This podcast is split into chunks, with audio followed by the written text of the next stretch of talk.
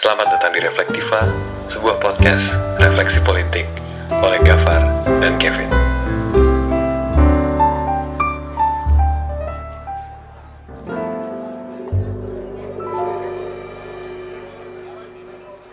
Selamat pagi, selamat siang, selamat sore, selamat malam. Assalamualaikum warahmatullahi wabarakatuh. Jumpa lagi bersama kita di Reflektiva, uh, edisi spesial Ramadan tahun kedua dari Reflektiva.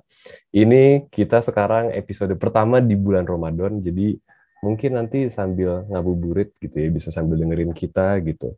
Karena kan biasanya kalau Ramadan itu kan kita tidur ya sambil memotong waktu supaya cepat gitu puasa kita. Ini reflektiva ini saluran yang tepat untuk mengantarkan tidur kalau kata Gafar. Nah, kita ini sekarang udah ditemenin sama Mas Radityo Dharma Putra. Dipanggilnya Mas Ari. Mas Ari ini adalah mahasiswa S3 di Estonia dan beliau udah melanglang buana beberapa minggu terakhir ini ngisi di sana sini tentang uh, konflik Ukraina dan Rusia. Nah, jadi uh, Mas Ari ini sayangnya harus mengisi weekendnya di Reflektiva gitu untuk ngomongin hal yang mungkin Mas Ari udah ngomongin berkali-kali dan mungkin udah udah mulai bosan gitu ya. Jadi kita kita nih Reflektiva menyiksa Mas Ari satu hari lagi gitu di bulan Ramadan ini. Nah, Mas Ari, selamat siang waktu Indonesia, selamat pagi waktu Estonia, Mas Ari. Apa kabar, Mas Ari?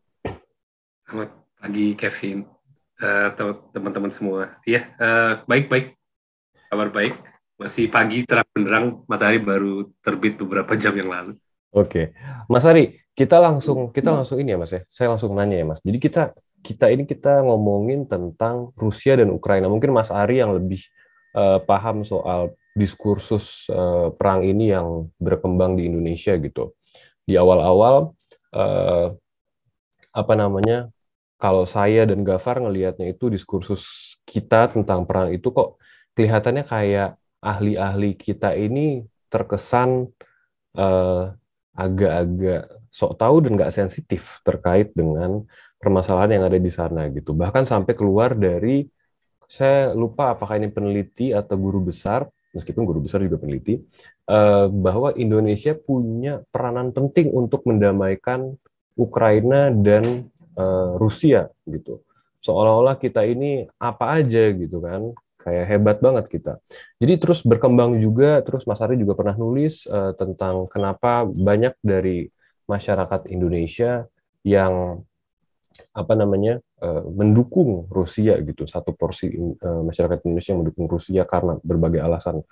Nah, uh, jadi kalau kita kalau saya sama Gafar ngelihatnya mas perang itu tidak hanya di medan perang gitu bahwa perang itu terjadi bukan hanya tembak-tembakannya. Itu itu itu nyata dan menyakitkan tapi yang tidak yang tidak kurang nyata dan tidak kurang menyakitkan itu adalah perang-perang yang ada di eh, narasi-narasi uh, di luar negeri di Indonesia misalnya. Atau emosi yang dirasakan ibu tentara Rusia yang harus dapat SMS dari dari anaknya tentang betapa betapa uh, depresinya dia dan seterusnya. Itu kan juga perang di arena yang lain.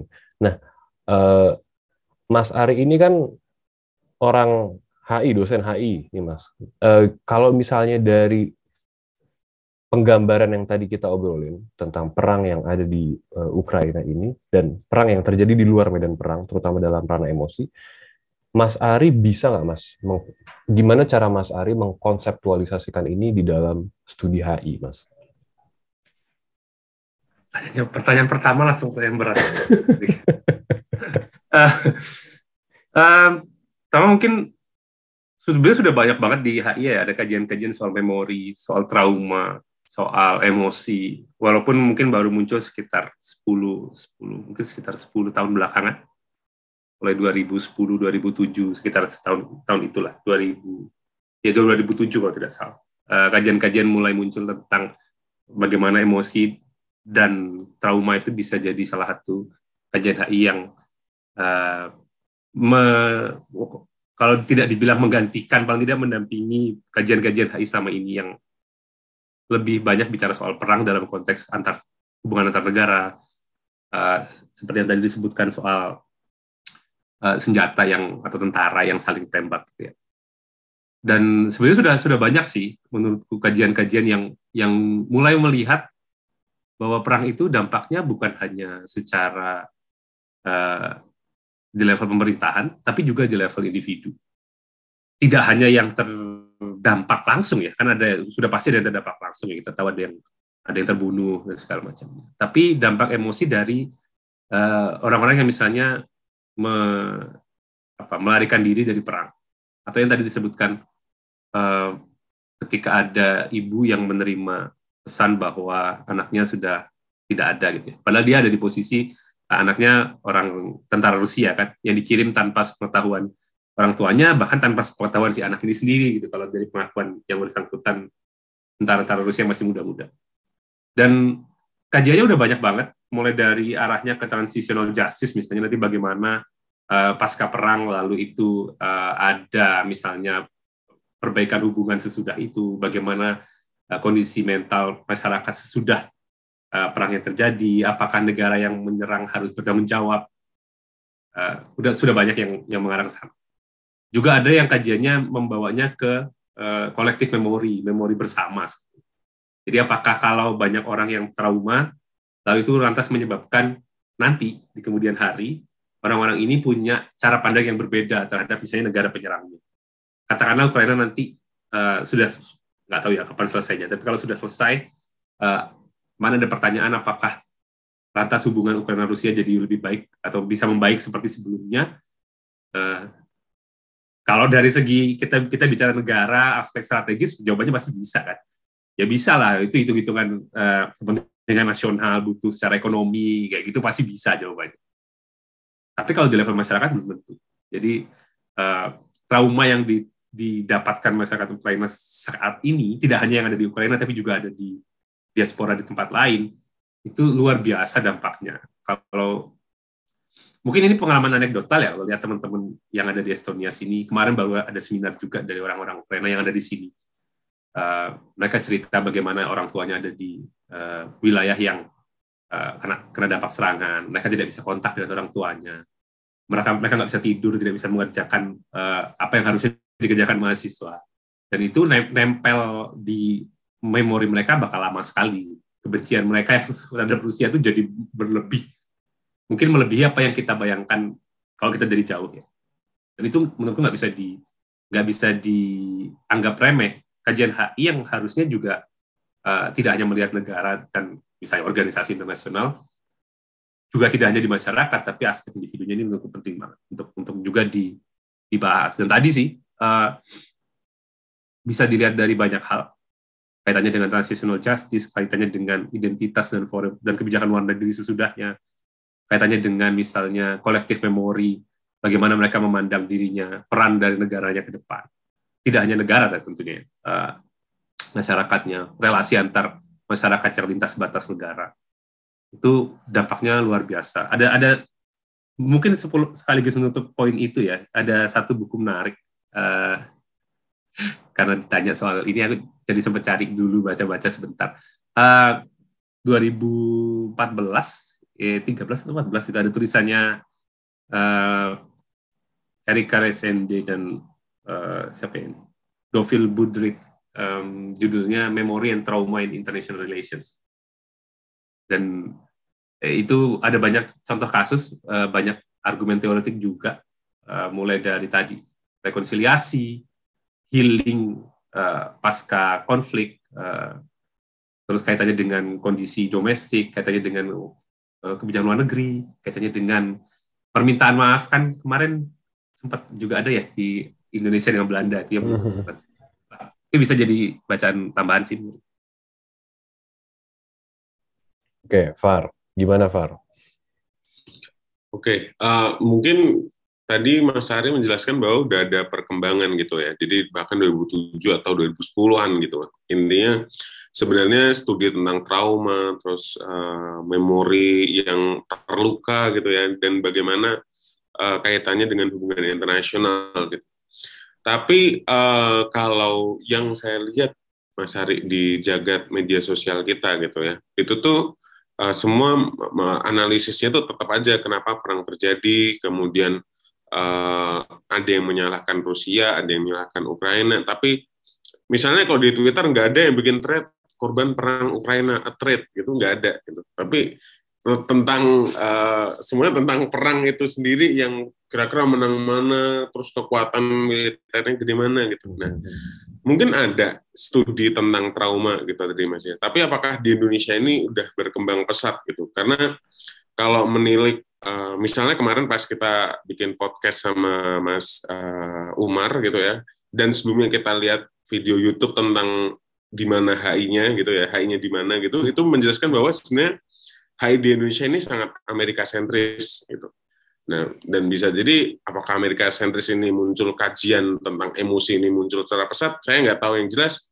Dari Australia baru yang saya tahu si Roland uh, Blaker itu tadi, mungkin uh, yang disebutin Mas Hari tadi. Gimana kalau untuk perkembangan di Indonesia sendiri gimana? Atau memang bisanya kita berpikir oh Indonesia ini center of the world jadi bisa ngasih ya, solusi ya. atas konflik gitu ya bisa menyelesaikan uh, konflik ini ya Indonesia ya iya betul ah, banyak banget yang yang apa pack question itu oke banyak banget yang aspek yang menurutku menarik dari pertanyaannya Gafar barusan jadi di satu sisi uh, ilmu HI di Indonesia sepertinya memang perkembangannya tidak tidak apa ya uh, kalau dibilang Amerika sentris sebenarnya sudah banyak juga yang lulusan Australia atau Eropa ya. Tapi tapi kan bacaan-bacaan HI memang mayoritas masih dari Amerika ya, bacaan yang klasik-klasiknya itu ya. Dan uh, teman-teman yang belajar HI itu kalau di S1 pasti belajarnya itu, itu lagi. Makanya uh, kalau kita lihat bahkan bukan cuma di level S1 ya, kalau teman-teman baca analisis-analisis uh, tentang perang ini dari analis di media atau di Eh, tulisan-tulisan di koran gitu banyak banget yang masih ngutip uh, John Mersheimer gitu. Uh, pakar uh, so-called pakar neorealis yang bahkan sebenarnya sudah nggak paham sama sekali konteks apa yang sedang terjadi di, di kawasan. Dia cuma lihat dari satu arah dan sudah banyak didibang gitu ya teori argumen-argumen dia banyak yang keliru. Kelirunya bukan keliru sedikit tapi keliru banyak tapi masih dipakai terus di di kajian kita. Bahkan tadi pagi ini baru ada lagi artikel di salah satu media massa gitu ya. Uh, bicara tentang kebohongan uh, jadi konflik dan kebohongan internasional kira-kira gitulah. Uh, kalimatnya bisa dibaca sendiri nanti. Aku nggak akan sebut media dan penulisnya siapa. Tapi tapi di situ ada. Itu juga masih bicara soal John Mersheimer dan kajian-kajian neorealis. Dan bahkan kemarin banyak juga yang ketika ada webinar gitu banyak yang pakar yang mengatakan bahwa ini adalah kembalinya neorealis di hubungan internasional gitu. Kita, yang di Eropa atau yang belajar atau nggak usah yang di Eropa, yang melihat langsung situasi di lapangan itu kita malah bingung gitu kenapa jadi bicaranya soal neorealis lagi ya. Uh, padahal kita yang harusnya kalau mungkin mungkin lagi-lagi mungkin aku bias karena aku ada di sini dan melihat langsung ya apa namanya pengungsi datang, bagaimana mereka uh, punya banyak masalah gitu. Sehingga akhirnya ketika orang masih melihat dari jauh terus hanya bicara soal neorealisme dan kajian-kajian HI yang klasik itu jadi agak tidak sensitif tadi kalau katanya Kevin kan tidak sensitif. Yang pertama, yang kedua menurutku yang juga krusial adalah kita tadi sempat disinggung juga sama Gafar. Seakan-akan kita ini pusat pusat dunia gitu ya. Uh, to some extent malah kita ini kayaknya punya sindrom juga. Uh, ini mungkin perlu penelitian lebih lanjut ya. Sindrom negara besar karena memang kalau di kawasan kita paling besar mungkin ya uh, di kawasan Asia Tenggara gitu kan ada negara lain itu dianggap kecil lah oleh Indonesia. Uh, kemarin juga baru rame soal bahasa Malaysia yang tidak diterima sebagai bahasa uh, ASEAN segala macam lah bahasa Melayu kalau tidak salah. Jadi jadi dari situ menurutku ada ada satu cara pandang yang membuat kita tidak berusaha melihat dari sudut pandang korban dan sudut pandang negara kecil yang jadi korban. Tapi kita melihatnya dari sudut pandang negara besar dan negara yang merasa dirinya besar. Jadi logikanya logika rasional sekali misalnya memaksa bahwa oh, harusnya Ukraina ini dong Presiden Zelensky misalnya Presiden Ukraina menyerah dong. Udah tahu kekuatan militernya uh, lebih rendah udah tahu rakyatnya yang menderita kenapa nggak nyerah aja? Udah terima aja faktanya bahwa dia kalah gitu ya. Nah itu kan tidak tidak sensitif tidak melihat bahwa uh, dengan kondisi menderita seperti itu malah orang Ukraina menjadi semakin terpacu untuk bertempur gitu. Mereka malah pulang ke negaranya untuk mempertahankan dirinya. Gitu. Nah yang hal-hal seperti ini kan nggak dilihat oleh logika-logika uh, teori-teori besar gitu ya. Itu harus masuk ke cara pandang aku nggak mau bilang konstruktivis tapi cara pandang yang lebih melihat situasinya seperti apa gitu nah, soal identitas soal memori soal emosi itu kan sesuatu yang tidak dibahas oleh teori besar HI dan uh, sepertinya juga nggak tahu ya nggak bisa klaim untuk semua HI di Indonesia ya tapi di tempat yang aku tahu beberapa gitu ya kajian teori HI itu ya masih teori-teori mulai dari uh, realismenya Morgenthau yang paling diingat gitu paling sampai terakhir mungkin post strukturalis postmodernis itu pun cuma sekilas diberi diberi pengantar karena juga tidak banyak yang sampai mendalami ke sana gitu. Itu jadi problem dasar sih menurutku. Jadi akhirnya begitu melihat konflik kacamatanya kacamata uh, negara besar dan kacamata geopolitik uh, tingkat tinggi gitu ya. Tidak lagi melihat uh, aspek yang paling sederhana. Di sini ada orang yang yang terkena dampak, tapi malah kita hanya berhenti melihat nah, ini adalah kontestasi antar negara. Bukan cuma antar negara malah. Kalau mending kalau antar negara, antar Rusia dan Ukraina enggak. Ini antar uh, dua kekuatan besar doang, gitu. antara blok Barat dengan Rusia gitu. Oke kita balik lagi ke perang dingin. Makanya banyak yang bilang, oh ini baliknya perang dingin. Situasinya jauh berbeda gitu. Kita enggak. Kalaupun ada kondisi yang mirip, tapi lagi-lagi uh, situasi lamanya jauh beda dan menurutku problemnya ada di, di sana tadi sih uh, selain karena kajian kita mungkin memang masih tertinggal ya kajian-kajian HI kita tertinggal karena kan selalu begitu kan buku HI keluarnya tahun berapa kita baru dapat akses mungkin sekitar 5, 7, 10 tahun kemudian baru bisa dibaca gitu. Uh, yang berangkat ke luar negeri juga jumlahnya tidak tidak sebanyak yang mungkin diharapkan ya untuk untuk bisa pulang lalu uh, membenahi kurikulum di dalam. Jadi ada ada banyak problem soal soal itu. Cuma yang menarik menurutku yang tadi karena banyak terlihat seakan-akan kita ini sindrom negara besarnya itu terasa banget uh, sindrom imperial kalau katanya beberapa teman di di Tartu sini uh, mungkin cara melihatnya eh, sorry aku jadi agak panjang tapi kemarin sempat ngobrol dengan teman-teman di Tartu orang Estonia sempat aku sempat mengeluh gimana ya cara membuat masyarakat Indonesia itu lebih bisa melihat memandang dari sudut sudut negara kecil lalu dia sempat bilang kenapa nggak uh, kasih gambar soal kolonial, imperialisme dan kolonialisme. Indonesia kan juga pernah menderita di bawah imperialisme dan kolonialisme.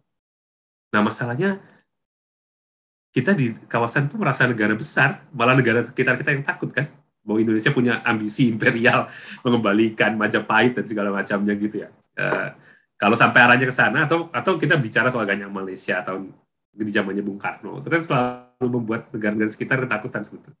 Jangan-jangan ada aspek itu, itu itu menarik untuk dilihat lebih lanjut sih.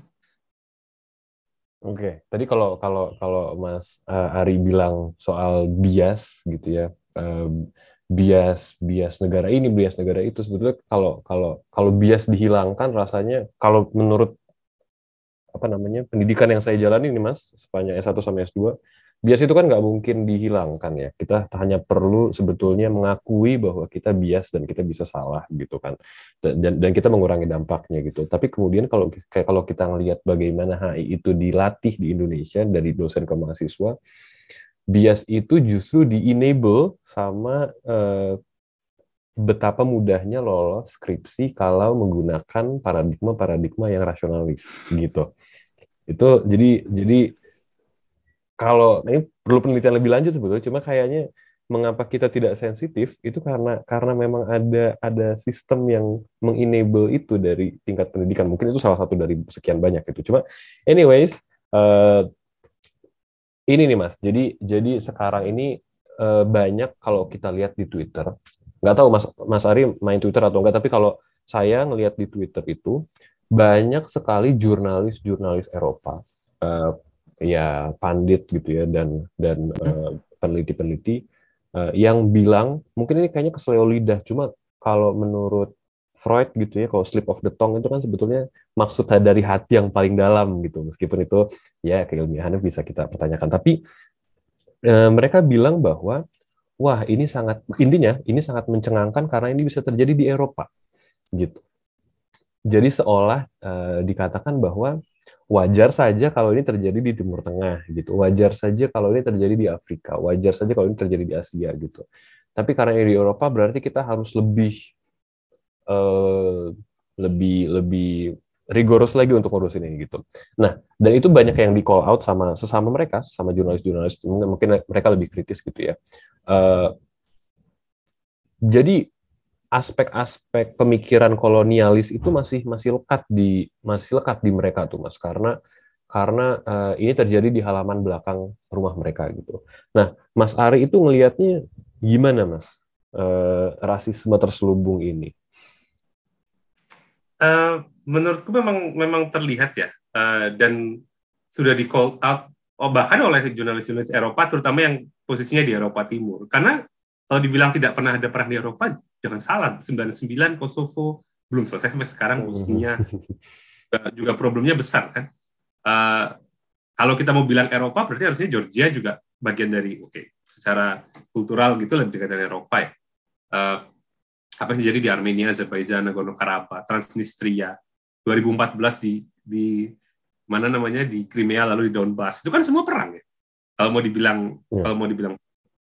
Dan uh, banyak wartawan terutama dari mostly sebenarnya dari Eropa Barat ya. dari Eropa Barat. Hmm. negara besar di Eropa Barat uh, bisa dari Prancis Inggris atau bahkan dari Amerika. Itu yang yang uh, menyebutkan bahwa oh ini gelombang pengungsinya beda gitu kan ya ini orang orang ini orang Eropa gitu. Uh, mereka juga lupa bahwa sebenarnya sudah banyak terjadi gelombang pengungsi. Itu yang pertama. Jadi menurutku orang Eropa sendiri menyadari bahwa di antara mereka itu ada kelompok-kelompok yang memang masih sangat melihatnya masih sangat ras, rasial dan kolonial seperti itu. Lalu yang kedua bahwa bahwa ada uh, apa ya istilahnya kedekatan kultural itu lantas mempengaruhi bagaimana mereka melihat konflik ini menurutku tidak bisa dipungkiri ya. Uh, negara-negara Eropa Timur, termasuk Estonia, Latvia, Lithuania, eh, yang tergabung di Uni Eropa misalnya, waktu itu kan eh, Polandia dan yang Eropa Tengah juga, itu kan sempat menolak kuota fungsi dari ketika ada kasus dari Syria dan dari Afrika Utara. Eh, pengungsi-pengungsi itu sempat ditolak, akhirnya banyak yang cuma ke Jerman dan ke Swedia, itu pun sempat ada problem. sekarang begitu pengungsi dari Ukraina, mereka beda beda beda pandangan.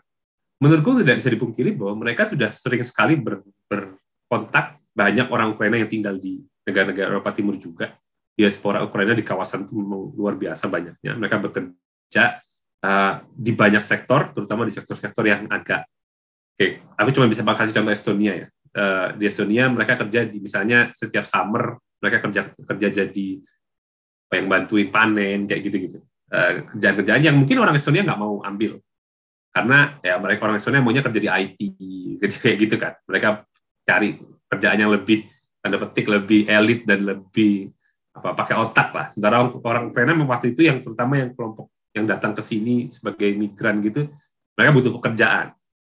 Sehingga akhirnya mereka apa pun pekerjaannya diambil dan tapi itu membuat sudah ada hubungan lumayan dekat yang yang yang juga perlu dilihat yang kedua yang yang berikutnya juga bahwa mereka punya sejarah yang cukup panjang bersama ya.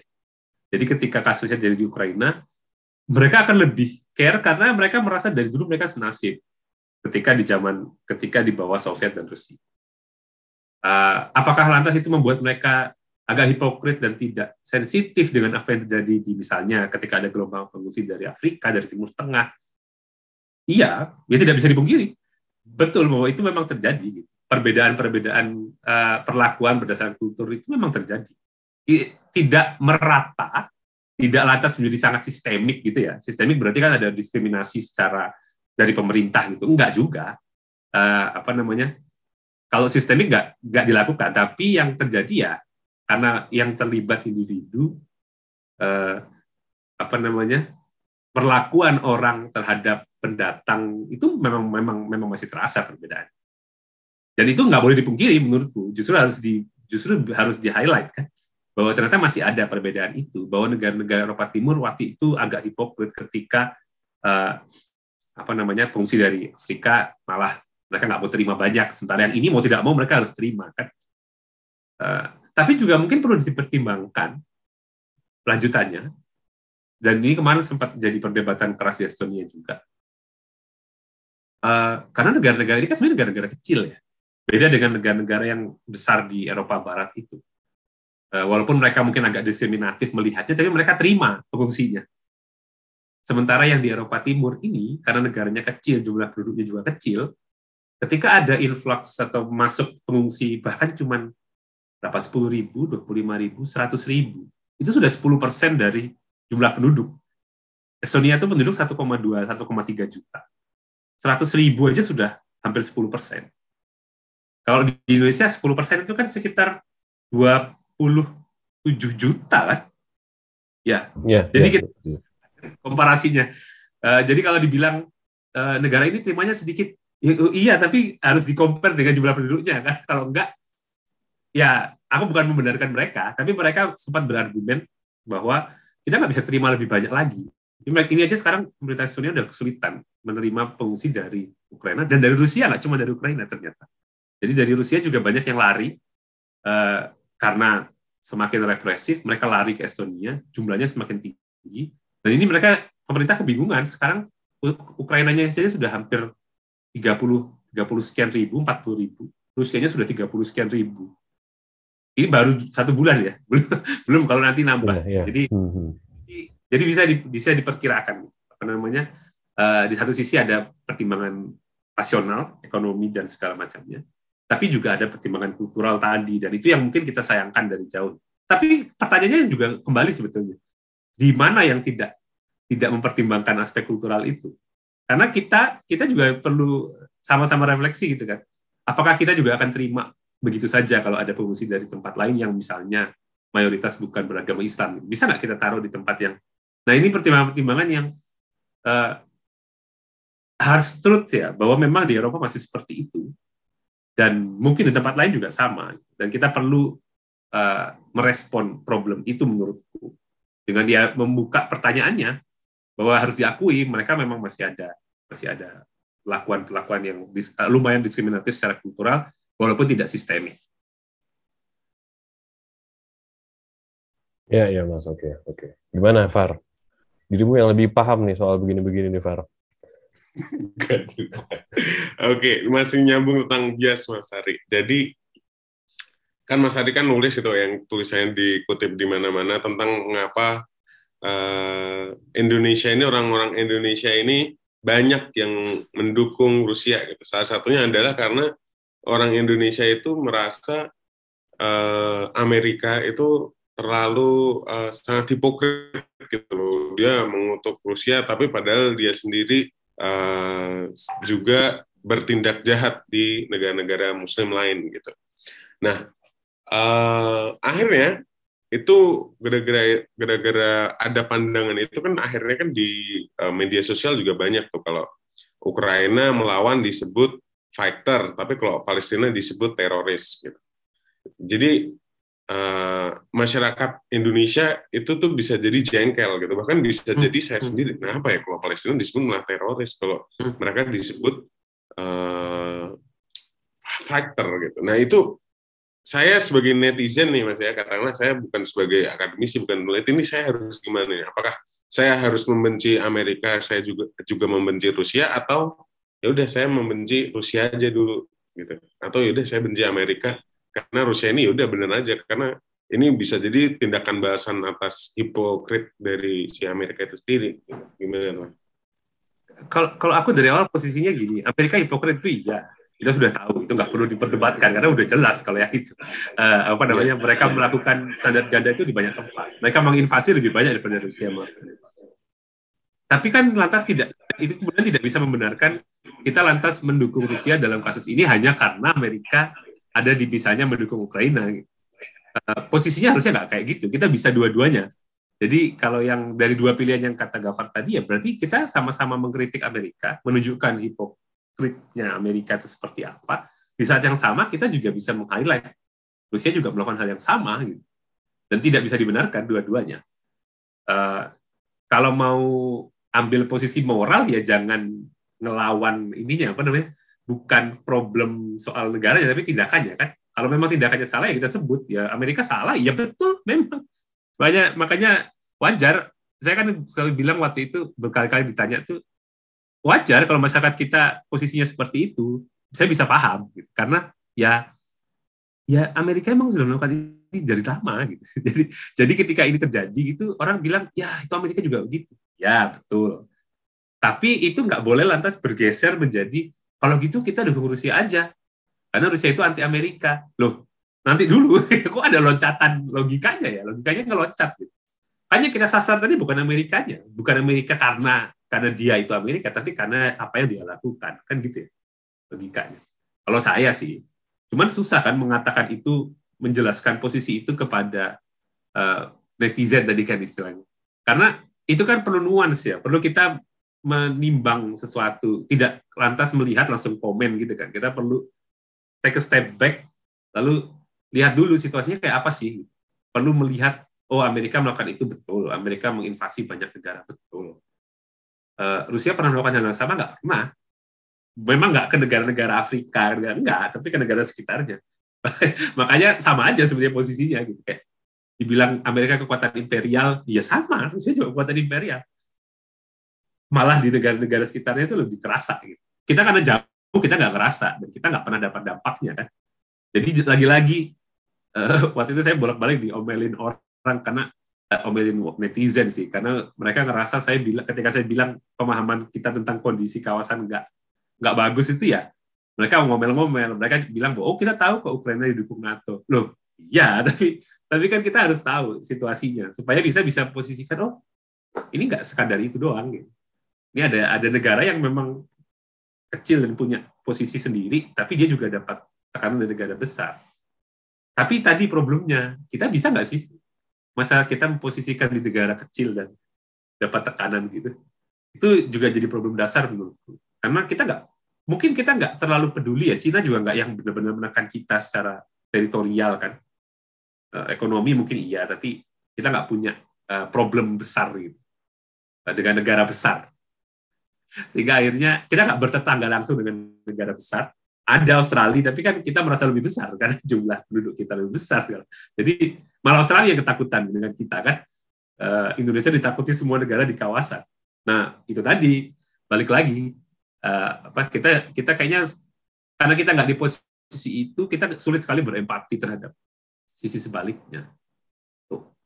Uh, sehingga kita jadi yang gampangnya aja gitu kan gampangnya ya ini Amerika oke okay. pokoknya kalau Amerika kita lawan gitu Padahal kalau kita geser kasusnya dikit, di Rohingya, eh, Amerika lumayan keras terhadap rezim Myanmar. Eropa juga lumayan keras gitu. Walaupun mungkin tidak sekeras yang diharapkan banyak orang aktivis ya, tapi lumayan gitu. Eh, kan nggak pernah dibahas kan ketika dalam isu, isu Rusia Ukraina nggak ada yang komen soal komennya soal Palestina, tapi tidak komen soal penderitaan Muslim di Rohingya. Karena yang itu malah didukung oleh apa namanya negara-negara Barat dan Amerika. Gitu. Mereka malah me, me, apa namanya mereka malah mengecam pemerintahan Myanmar. Gitu. Nah, itu juga jadi menarik buku. Berarti juga nggak nggak nggak konsisten kita. Kalau kita mau dibilang anti Amerika, kita nggak konsisten juga. Karena ya well kelihatan lah ininya namanya. Oke. Oke. Mas Ari. Tapi gini Mas, uh, tadi kita udah udah itu kan kalau tadi kan ngelihat uh, suasana nuan apa namanya suasana pembahasan Ukraina uh, Rusia di Indonesia gitu ya. Hmm. Nah sekarang saya mau lihat sisi personalnya nih dari Mas Ari untuk kasus yang itu. Menurut Mas Ari ini ini menurut saya ini pertanyaannya agak-agak agak-agak riskan sih. Cuma oh, nanti terserah Mas Ari mau jawab atau enggak. Apakah menurut Mas Ari situasinya pembahasan itu bagaimana narasi itu dibentuk di Indonesia dan dan populer di Indonesia apakah itu mengkhawatirkan untuk seorang Mas Ari? Uh, mengkhawatirkan to some extent ya karena uh, kalau kaitannya dengan konfliknya langsung kan tidak ada sebetulnya uh, mau hmm.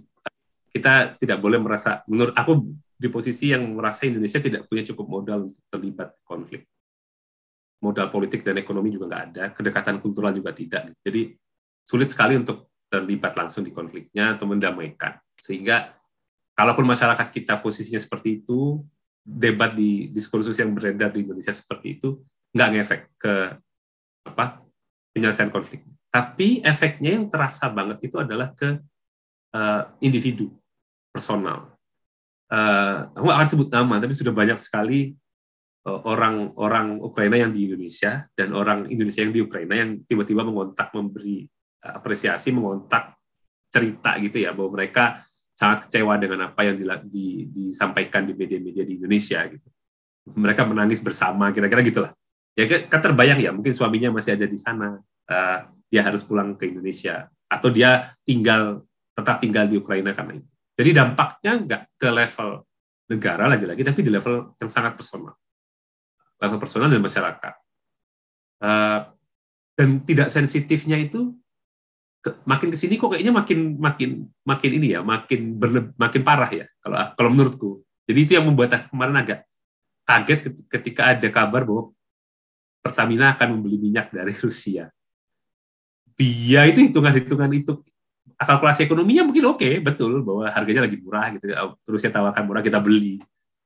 Tapi ada ada pertimbangan politik yang di luar itu gitu. Apakah kita sensitif gitu? Ketika kita membeli kita tahu bahwa itu mungkin akan dipakai ya well, tidak tidak tidak akan langsung dipakai untuk biaya perang tentunya. Tapi itu ada ada ada aspek apa ya sensitivitas terutama terhadap uh, korban tadi itu uh, Beda halnya ketika kita memutuskan tidak memberi sanksi, itu kan agak agak beda ya. Oh, oh oke kita nggak mau ikut-ikut. Tapi kalau kita membeli dengan pertimbangan, oh harganya lagi murah, itu yang nggak sensitif dan itu yang menurutku malah didukung masyarakat lagi misalnya. Oh, nah ini repot jadi uh, apa namanya?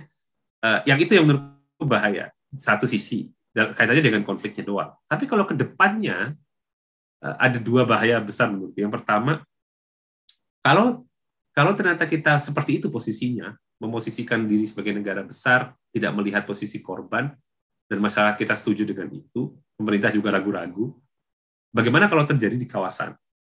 Kalau situasinya terjadi di dekat kita, apakah kita akan berposisi sama? Eh, orang-orang uh, di banyak lembaga penelitian gitu ya di, di luar Indonesia ya sudah ber, sudah dengan kondisi sekarang sudah bilang Indonesia akan punya posisi yang sama kalau ini kaitannya dengan Taiwan. Tapi oke okay lah, Taiwan agak jauh. Kalau kaitannya dengan negara Asia Tenggara gimana? Apakah kita tidak akan solidar dengan negara-negara itu? Kita akan malah posisinya seperti sekarang gitu. Oh, uh, mengecam tapi kita mendukung Cina gitu ya misalnya. Eh, aku agak agak mengkhawatirkan posisi itu sih.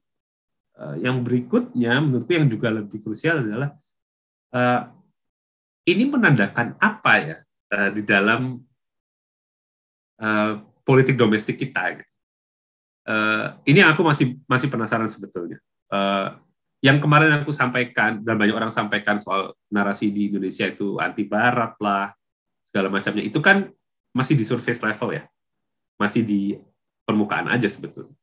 Yang perlu di cross check kan ke dalam ke level masyarakat dan elit gitu. Karena kenapa kok sampai serame ini gitu, untuk urusan yang jauh gitu. Apa yang sedang terjadi di masyarakat kita? Apa yang sedang terjadi di pemerintahan kita? Itu yang yang pertanyaan buat aku sih. Karena kan kita punya banyak isu lainnya. Isu banyak hal isu-isu domestik yang hmm. yang main sensitif tapi oh, isunya malah yang rame kemarin ada wartawan salah satu media besar gitu uh, sempat interview beberapa hari lalu sama aku dia sempat bilang dari data dia setiap kali mereka posting soal uh, apa ibu kota negara pemerintahan Jokowi tiga periode minyak goreng itu nggak banyak yang komen begitu mereka kok posting soal Ukraina, waduh komennya langsung ratusan ribuan. Ini ada apa kan Dia nggak ya, dia nggak tahu ini kenapa kok bisa kayak gitu. Nah itu juga jadi pertanyaanku sih. Kenapa kok bisa serame ini? Padahal isunya jauh gitu. Isu luar negeri sama ini kan bukan bukan bukan bukan ini ya, bukan bukan mindset utama orang Indonesia kan. Isu-isu domestik harusnya yang lebih ramai. Kok ini isu domestiknya adem ayem, tapi isu luar negerinya jadi rame banget uh, bahkan saya jadi dikait-kaitkan ke mana-mana gitu uh, perang Ukraina Jokowi tiga periode kok jadi ke mana-mana gitu narasinya dan bawa-bawa yang di luar gitu. Eh, ini ada apa? Itu yang maksudnya pertanyaan lanjutannya uh, aku nggak jawab pertanyaannya Kevin sih tapi lebih ke arah itu kayaknya jadi pembahasan menarik terutama melihat ininya sih apa namanya? Uh, kok tadi dibilang mengkhawatirkan apa enggak, aku khawatir karena bisa jadi itu simptom dari sesuatu yang lebih besar di masyarakat. Dan sesuatu yang lebih besarnya apa? Aku nggak bisa jawab, nggak tahu harus diteliti dulu ya. Dan mungkin teman-teman politik atau komunikasi lebih paham. Tapi okay. kayaknya menarik. Sebetulnya lebih ke ini sih mas, kalau saya komentarin dikit tadi itu, jadi lebih ke bagaimana sekarang itu ada uh, kelompok yang dominan di uh, apa namanya di medsos lah setidaknya, karena karena saya hmm. berhubungan langsung sama medsos gitu, kelompok yang dominan di medsos itu melihat uh, identitas kelompoknya itu uh, selalu terancam gitu melihat bahwa Ukraina diserang, dibela lah itu Rusia karena dia dekat dengan identitas sosialnya dia gitu. Jadi tapi masalahnya merasa solider dengan identitas sosial itu nggak ada masalah. Tapi masalahnya itu adalah kalau dia itu seperti apa yang terjadi sama orang kulit putih di Amerika. Jadi ada ngerasa hmm. bahwa mereka terancam padahal mereka mayoritas gitu loh. Hmm. mereka hmm. mereka terancam tapi mereka mayoritas. Nah, ini ini ini tapi ini kita nggak akan terlalu dalam ngomongin ini karena ini agak sensitif. Pertanyaan terakhir nih mas, ini pertanyaan terakhir uh, uh, sebelum kita close terkait dengan universitas di Estonia. Ini ini ini lanjutan dari yang Mas Ari bilang waktu di uh, acaranya Isagu. Hmm. Uh, apa universitas-universitas di Estonia tidak lagi menerima mahasiswa asal Rusia. Nah, jadi ini kayaknya ada semacam, kalau saya ngelihat sekilas, itu balas dendam, tapi salah arah gitu.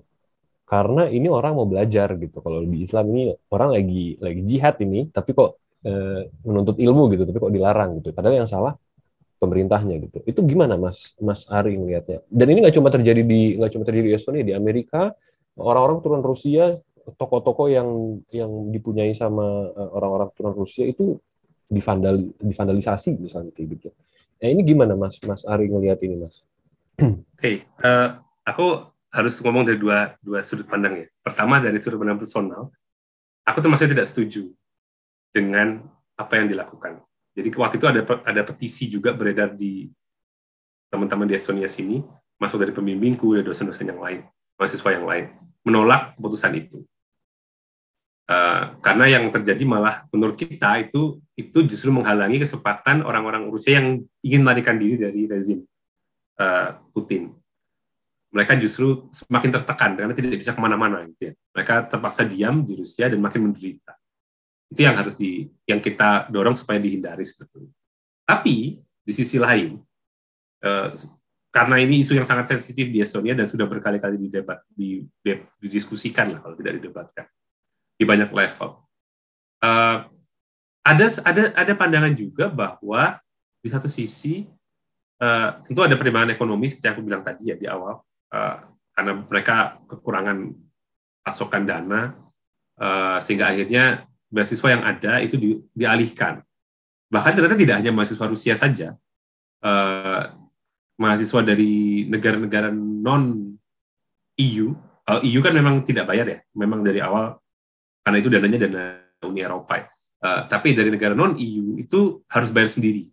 Mulai yang yang masuk mulai tahun depan di beberapa universitas. Itu juga sempat ramai. Lagi-lagi karena pertimbangan ekonomi. Tapi pertimbangan ekonomi itu satu hal yang teknikal ya menurut. Lainnya yang menarik kaitannya dengan topik besar uh, tema besar hari ini sebenarnya trauma dan uh, apa namanya emosi itu ya. Uh, ada penjelasan dari wakil rektor atau dari rektor, uh, lupa, wakil rektor seperti ini, bahwa uh, banyak masyarakat Rusia menurut dia dan menurut universitas, banyak masyarakat Rusia yang memang mendukung perang ini. Itu satu. Jadi kita tidak bisa memilah, tidak bisa memilah mana yang kita terima dengan argumen tadi. Mereka uh, ingin lari dari Putin, lalu kita terima di Estonia gitu kan. Ya. Kita nggak bisa pilih mana yang beneran lari, mana yang ternyata adalah menurut dia mata-mata. Mungkin kita akan kan di Indonesia kita akan bilang kok takut banget sih sama mata-mata gitu ya. Oh, problemnya adalah negara-negara di sini terutama di Estonia itu sudah sering sekali mendapatkan serangan uh, perang informasi maupun hybrid warfare dari Rusia. Jadi mereka itu memang sangat sensitif soal beradaan uh, mata-mata Rusia di negaranya, di Estonia terutama ya. Uh, sehingga aku bisa mencoba, aku mencoba memahami aku baca lagi uh, penjelasannya rektor, wakil rektor itu kayak, kayak aku bisa memahami bahwa mereka uh, khawatir uh, setiap isu yang ada di Estonia nanti, apa pun isunya, itu akan dipakai untuk uh, memicu per, perpecahan di dalam masyarakatnya. Dan itu sama ini dilakukan oleh agen-agen, menurut mereka, agen-agen Rusia yang ada di. Jadi dua pertimbangannya itu menurutku. Satu sisi memang ada ada uh, yang sangat diskriminatif, uh, tidak humanis gitu ya kesannya. Uh, tidak hanya di Estonia, di negara-negara Barat seperti Kevin bilang tadi, uh, sepak bola lah atau apa pun lah, artis itu semua diblokir, gitu, diboikot. Tapi di sisi lain ada pertimbangan tadi, Eropa uh, traumanya dengan, terutama di Eropa Timur ya, trauma dengan serangan Rusia dan hybrid warfare-nya di kawasan yang memecah belah orang-orang uh, di dalam antara Russian speaker di Estonia dengan yang Estonian speaker uh, bagaimana radio-radio berbahasa Rusia itu mencoba memecah belah dua posisi itu. Itu itu sensitif buat orang Estonia. Jadi mereka berargumen itu. Uh, aku sekarang jadi agak sulit ya posisinya karena di awal aku benar-benar kayak ini nggak benar juga dan begitu dilihat kayak ada sih yang yang memang jadi kemarin begitu petisi jadi kepanjangannya kemarin petisi itu keluar begitu petisi itu keluar ternyata itu lalu dimanfaatkan oleh tadi uh, tiba-tiba bermunculan banyak banyak akun-akun uh, apa istilahnya akun-akun bot atau akun buzzer gitu ya. Tiba-tiba tiba-tiba menyerang pemerintah Estonia dan segala macamnya gitu. Lalu itu memecah belah masyarakat. Dan itu yang uh, mereka nggak pingin sebetulnya. Dan uh, argumen mereka yang ini juga menurutku menarik ya, argumen terakhir mereka adalah apa yang terjadi di masa damai tidak bisa diterapkan di masa perang. Jadi mereka sudah dalam war mode gitu. Uh, apa namanya bahwa ini, ini sedang, kita sedang perang. Dan kalau sedang perang ada hal-hal yang kita harus korbankan. Ini lagi-lagi secara personal aku nggak agak tidak sepakat ya, tapi aku bisa mencoba memahami situasinya. Karena buat mereka yang perang bukan cuma Ukraina, tapi negara-negara Eropa Timur ini terutama di Estonia, Latvia itu adalah dua negara yang berbatasan langsung dengan Rusia dan sangat mungkin selama ini sudah sering diserang secara informasi. Dia sangat mungkin terdampak sesudah ini. Jadi mereka sangat khawatir dan salah satu dampak khawatirannya ya seperti sekarang tindakan yang lumayan agak diskriminatif.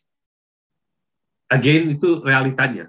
Jadi lagi-lagi membawa ke argumen soal pentingnya bicara soal emosi dan ini tidak rasional kan sebetulnya logikanya. Tidak rasional dalam konteks hitung-hitungan biasa, tapi ternyata dilakukan. Dan uh, kita perlu paham bahwa trauma sejarah mereka lagi-lagi balik ke argumenku di salah satu artikel terakhir trauma sejarah mereka itu membuat mereka sangat sulit percaya dengan Rusia apalagi dengan kondisi seperti sekarang. Uh, mereka sudah teriak-teriak dari 2014 nggak ada yang dengar mereka dianggap paranoid. Tiba-tiba beneran kejadian. Jadi mereka kayak bener kan? Berarti kita selama ini nggak paranoid berarti bener ini. Jadi mereka semakin uh, lumayan lumayan apa efek pukulan baliknya ke Rusia itu lumayan gitu. Tapi itu tidak berarti mereka lantas menolak migran yang dari Rusia datang ya. Enggak, mereka tetap terima kok. Cuman ya itu tadi, apa mungkin tidak bisa uh, tidak tidak akan sekolah dulu kayak gitu gitulah. Ya sama aja sebetulnya. Jadi agak agak agak sulit. Dan mereka sudah janji mereka akan lebih prioritaskan Ukraina. Lagi-lagi diskriminatif kan? Kalau mau dibilang diskriminatif ya diskriminatif. Tapi ada da ada dasarnya karena mereka lebih lebih menekankan pada membantu Ukraina daripada Rusia. Dan itu sentimen yang lumayan memecah belah sebetulnya di bahkan di tempatku di departemenku di sini itu ada profesor yang sangat anti Rusia, padahal dia orang Rusia, dia anti Rusia. Di satu sisi ada orang Rusia yang enggak anti, ya an, dia nggak dibilang anti enggak, tapi dia uh, selalu bilang bahwa kita jangan jangan emosi, gitu, jangan pakai emosi. Tapi ya nggak nggak mempan kan situasinya udah kayak gini. Itu sih yang bisa aku komen soal soal itu. Oke, okay, oke, okay, oke. Okay. Oke, Mas. Jadi ini tadi tadi pertanyaan terakhir. Jadi kita sekarang harus udahan. Jadi kita udah ngomongin udah ngomongin banyak tadi Gafar pertanyaan-pertanyaannya juga ke Mas Ari banyak. Uh, Ya. Awalnya kita cuma pengen tanya soal uh, bagaimana perang itu terjadi di tempat lain tentang e di emosi, di trauma, ingatan kolektif uh, dan uh, dan seterusnya gitu ya. Tapi kemudian kita belajar salah satu yang paling penting itu adalah kalau kita melihat sesuatu itu pasti ini mungkin catatan ini mungkin semua peneliti sosial udah tahu tapi biasanya akan selalu kaget ketika ngalami langsung bahwa banyak sekali nuansa yang terjadi di satu fenomena gitu. Bahkan untuk untuk urusan perang Ukraina dan Rusia aja, fenomenanya banyak fenomena Estonia uh, menolak uh, mahasiswa asal Rusia, tapi itu ternyata cerita di balik itu uh, rumit dan akhirnya kita menentukan pandangan etis kita jadi susah karena kita nggak bisa nggak bisa dikotomis gitu. Nah itu semua kesimpulan-kesimpulan uh, itu ilmu-ilmu baru itu tadi karena kita ngobrol sama Mas Ari, jadi kita makasih banyak sama Mas Ari ya Mas ya di hari Sabtu uh, bukannya berlibur malah harus mengulang pembicaraan yang udah diulang-ulang di mana-mana. Jadi kita makasih sama Mas Ari. Dan kita harus pamit uh, ke teman-teman. Uh, terima kasih udah dengerin. Uh, saya Kevin Alisa Saryanto sebagai co-host dan satu lagi co-hostnya sahabat saya yang paling spesial siapa namanya? Gafar. Kayak apa aja. Oke, kita ketemu lagi minggu depan di segmen selentingan dan dua minggu lagi di acara bincang. Terima kasih teman-teman. Mas Ari sekali lagi makasih. Assalamualaikum warahmatullahi wabarakatuh. Selamat pagi, selamat siang, selamat sore, selamat malam. Bye-bye.